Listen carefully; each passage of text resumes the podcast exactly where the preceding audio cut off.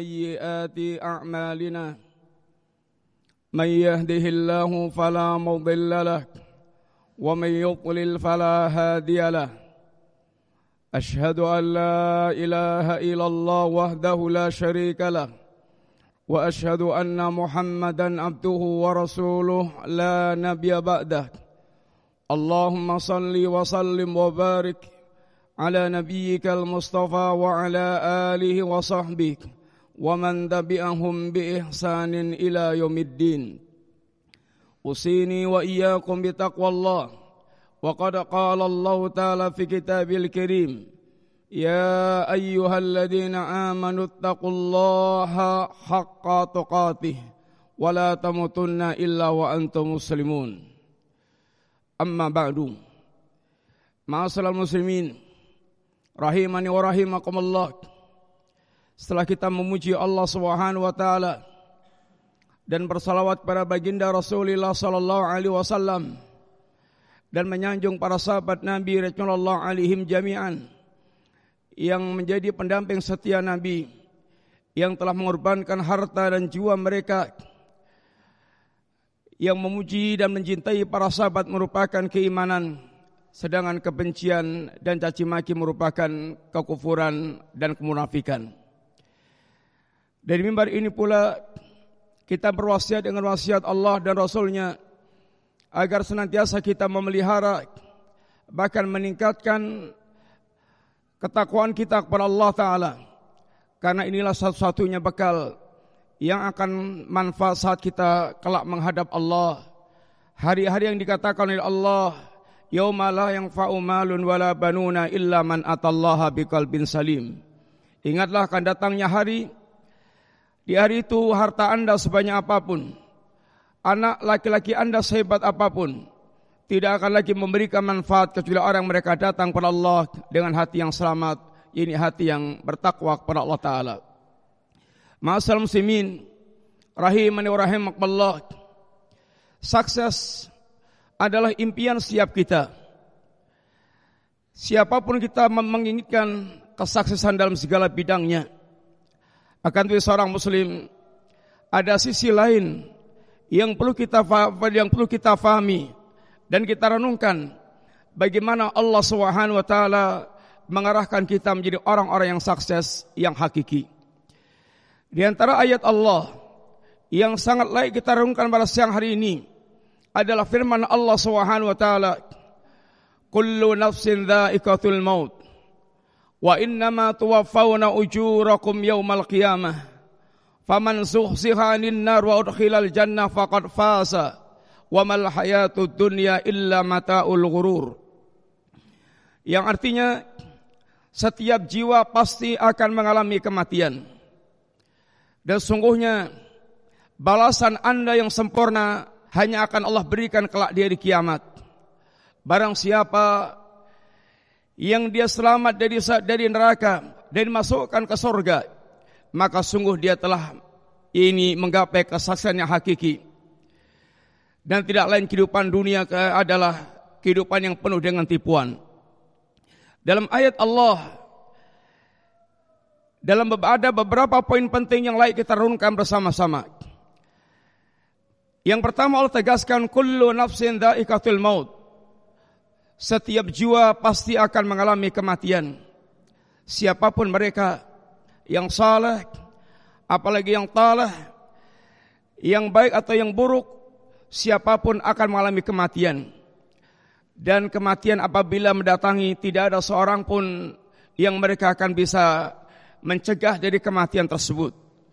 Walaupun dia orang-orang yang memiliki harta yang banyak, memiliki pasukan yang hebat, maka kematian datang tak seorang pun yang bisa menghindar. Allah Subhanahu wa taala menegaskan dalam banyak ayatnya, "Ainama takunu yutrikumul maut." Dimanapun anda berada, pasti kematian akan menjumpai anda. Walau kuntum fi buruji musayyadah, walaupun anda berada di benteng yang sangat kokoh.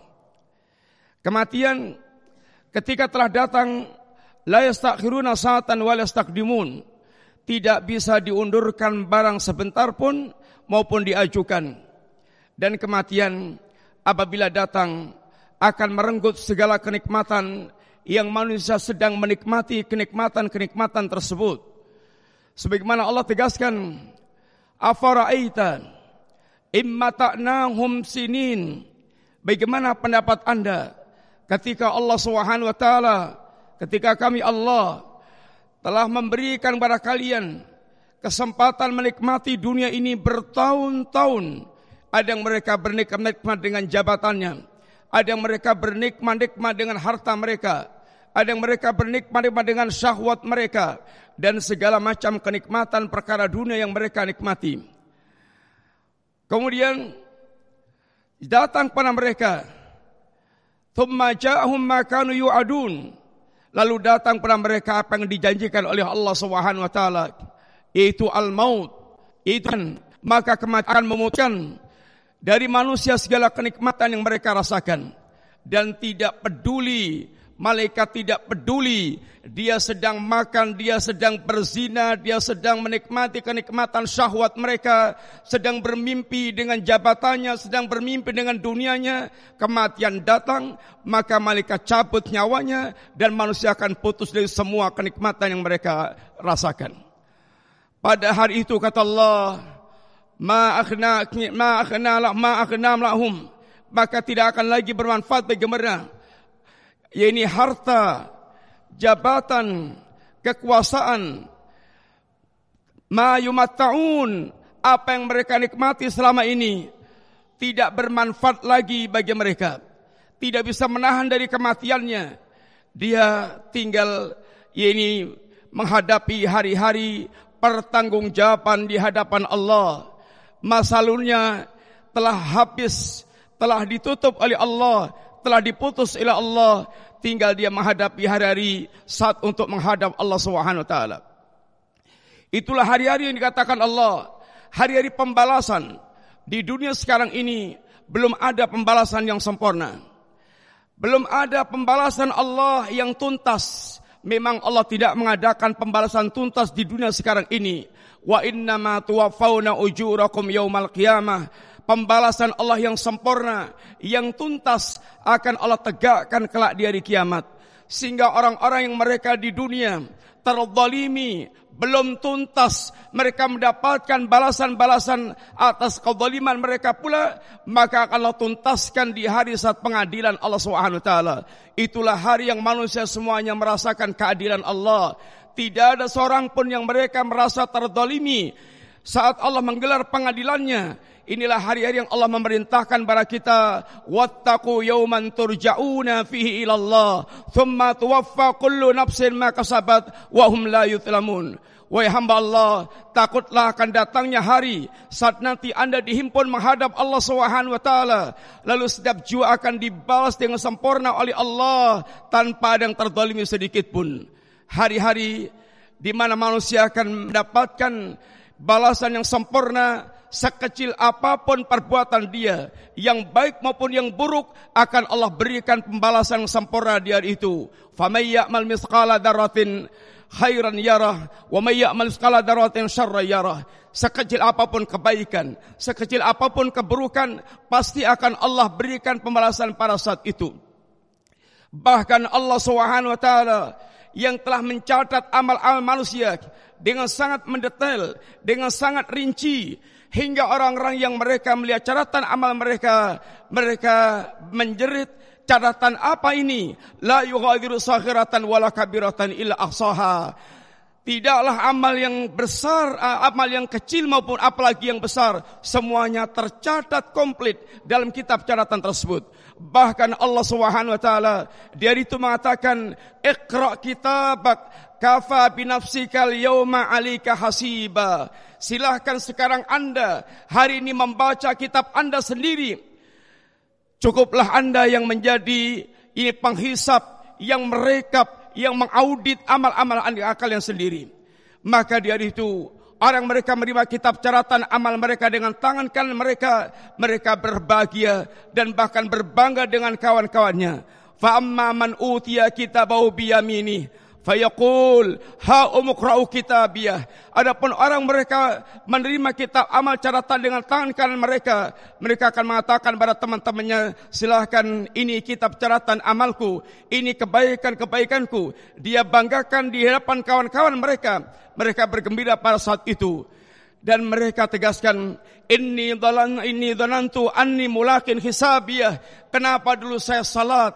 Kenapa saya dulu zakat? Kenapa saya dulu haji? Kenapa saya dulu dia berdakwah? Kenapa saya dulu menyembah hanya kepada Allah dan tidak menyimpang dari jalan Allah? Karena aku yakin seyakin yakinnya bahwa akan ada hari pertemuannya dengan Allah Subhanahu wa taala Keyakinan inilah yang menjadikan seorang mukmin di dunia sekarang ini dia akan memiliki semangat untuk mendekatkan diri kepada Allah.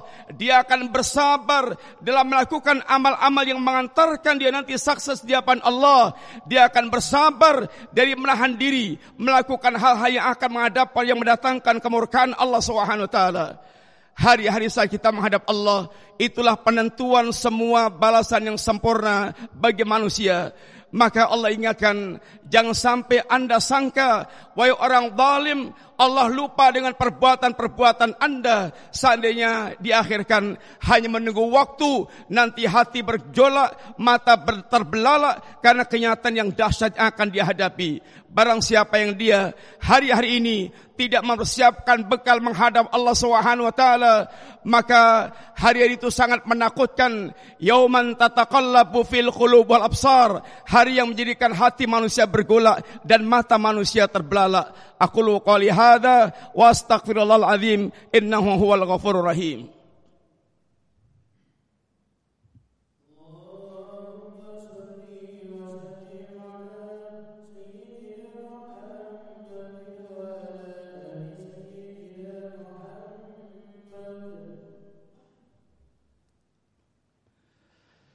إن الحمد لله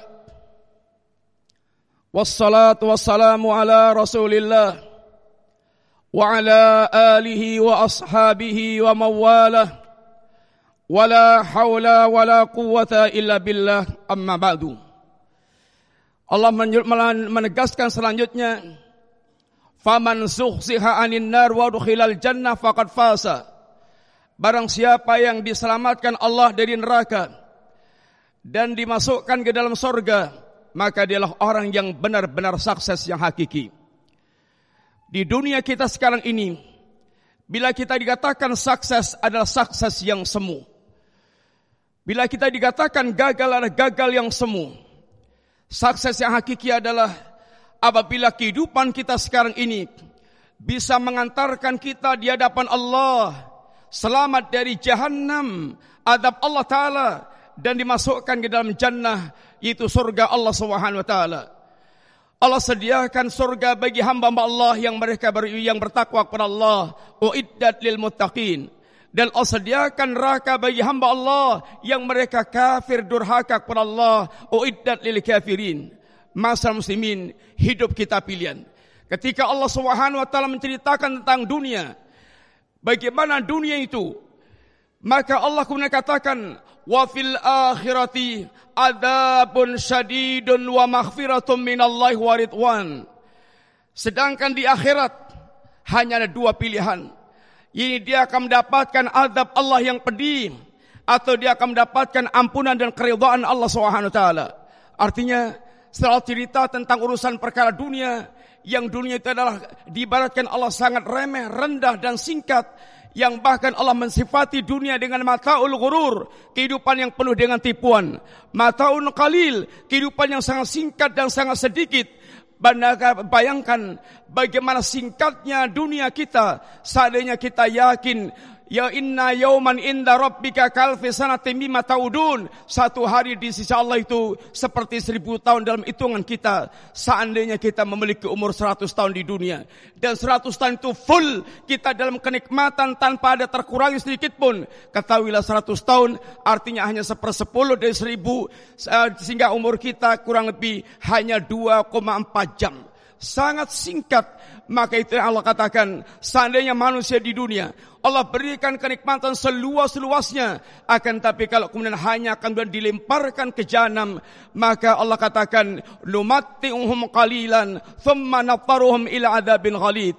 Kami berikan kesempatan mereka menikmati dunia yang sangat singkat ini, yang sangat sedikit ini, lalu akan kami lemparkan mereka ke jahanam. Sukses itu adalah apabila kehidupan kita sekarang bisa menyelamatkan dari neraka dan masukkan ke surga. Sehingga Allah ingatkan atau kenapa demikian keadaannya saat ini kita gagal di akhirat kelak. Apa pun yang di tangan kita sebanyak apapun dunia yang kita miliki, bahkan seandainya dunia ini, bumi ini dalam bentuk emas dan itu milik kita sendiri, lalu kita pakai untuk menebus adab dari itu, maka tidak akan diterima oleh Allah Subhanahu wa taala. Innal ladzina kafaru wa matu wa hum kuffarun fala yuqbala min ahadihim mil'ul ardi dhahaban wala biftadabi seandainya orang yang kafir itu meninggal di atas kekafirannya lalu dia ingin menebus adab Allah dengan emas sebesar bumi maka sekali-kali tidak akan diterima oleh Allah Subhanahu wa taala dan semua yang kita memiliki koneksi di dunia sekarang ini mau koneksi kita pejabat, jenderal, konglomerat atau siapa pun hari itu sudah tidak peduli lagi satu dengan yang lainnya. Allah putus hubungan-hubungan. Wa taqatta'at bihimul asbab. Allah putuskan hubungan di antara mereka. Lalu mereka tidak peduli satu dengan yang lainnya. Yauma tafirul mar'u min akhi wa ummihi wa abi wa sahibati wa bani likulli imri'in minhum yauma idzin sanu yughni hari di mana setiap orang akan lari dari saudaranya lari dari ibunya dari ayahnya dari istri dan anaknya. Dan ini orang-orang dekat semuanya dalam kehidupan kita. Tapi sudah tidak akan peduli lagi kelak saat manusia menghadap Allah. Masing-masing sibuk dengan urusan mereka sendiri-sendiri. Bukan sekedar tidak peduli. Seandainya mereka sanggup untuk menjadikan orang lain tumbal bagi keselamatan dia akan dia lakukan يبصرونهم. يود المجرم لو يفتدي من عذاب يومئذ ببنيه وصاحبته واخيه وفصيلته التي تؤويه. ومن في الأرض جميعا ثم ينجيه. كلا إنها لظى. نزعت للشوى. تدعو من أدبر وتولى وجمع فوعا hari itu mata manusia saling terbelalak melihat satu dengan yang lainnya tapi tidak bisa saling menolong satu dengan yang lainnya. Bahkan mereka berangan-angan. Orang yang di dunia mujrim dia tidak peduli dengan agama dia berangan-angan seandainya bisa menjadikan ya ini saudaranya sebagai tebusan atau bahkan mengorbankan istri dan anaknya, bahkan keluarga besarnya, bahkan seluruh manusia di muka bumi kalau bisa. Akan tapi Allah katakan, kalla tidak mungkin terjadi. Itu semua jahanam adalah adab Allah yang menyala-nyala. Yang bisa mengelupaskan kulit kepala manusia. Jahanam akan mengambil setiap orang, akan memanggil orang-orang yang dulu mereka berpaling dari agama. Dan hanya sibuk mengumpulkan harta dan dunia. Tapi tidak pernah dia dia keluarkan di jalan Allah SWT. Mudah-mudahan Allah Subhanahu taala menjadikan kita di antara orang-orang yang cerdas dalam kehidupan dunia sekarang ini memilih dengan pilihan yang tepat yang ketika Nabi ditanya ya Rasulullah ayyul mu'minina aqyas mukmin yang cerdas yang seperti apa ya Rasulullah? Kata Nabi aktsaruhum lil mauti dzikra wa ahsanuhum lima ba'dahu istidadan. Orang yang paling banyak mengingat kematian sehingga dia paling siap mempersiapkan dengan kematian dan orang yang paling bagus persiapannya menyongsong hari-hari setelah kematian dia. Ulaikal aqyas itulah orang yang namanya yang cerdas. Semoga Allah Subhanahu wa taala membimbing kita senantiasa memberikan taufiknya kepada kita untuk istiqamah di atas agama Allah. Agama kita lah ada agama kita lah segala-galanya. Hancurnya agama kita berarti tidak ada harapan sama sekali kelak di hadapan Allah Subhanahu wa taala dan semoga Allah memanggil kita di akhir, kelak dalam keadaan khusnul khatimah dengan panggilan indah. Ya ayatuhan nafsul mutmainnah irji'i ila rabbiki radiyatan mardiyah wadkhuli fi ibadi wadkhuli jannati. Innallaha wa malaikatahu yusalluna ala nabi. Ya ayyuhalladzina amanu sallu alaihi wa sallimu tasliman اللهم اغفر للمؤمنين والمؤمنات والمسلمين والمسلمات الأحياء منهم والأموات. ربنا لا تزغ قلوبنا بعد إذ هديتنا. وهب لنا من لدنك رحمة إنك أنت الوهاب. ربنا اغفر لنا ولإخواننا الذين سبقونا بالإيمان. ولا تجعل في قلوبنا غلا للذين آمنوا. ربنا إنك رؤوف رحيم. اللهم أصلح لنا ديننا الذي هو عصمة أمرنا. اللهم أصلح لنا دنيانا التي فيها معاشنا. اللهم أصلح لنا آخرتنا التي فيها معدونا وجعل الحياة زيارة لنا من كل خير. وجعل الموت راحة لنا من كل شر. ربنا آتنا في الدنيا حسنة وفي الآخرة حسنة. وقنا عذاب النار. وقنا عذاب النار. والحمد لله رب العالمين. أقيم الصلاة.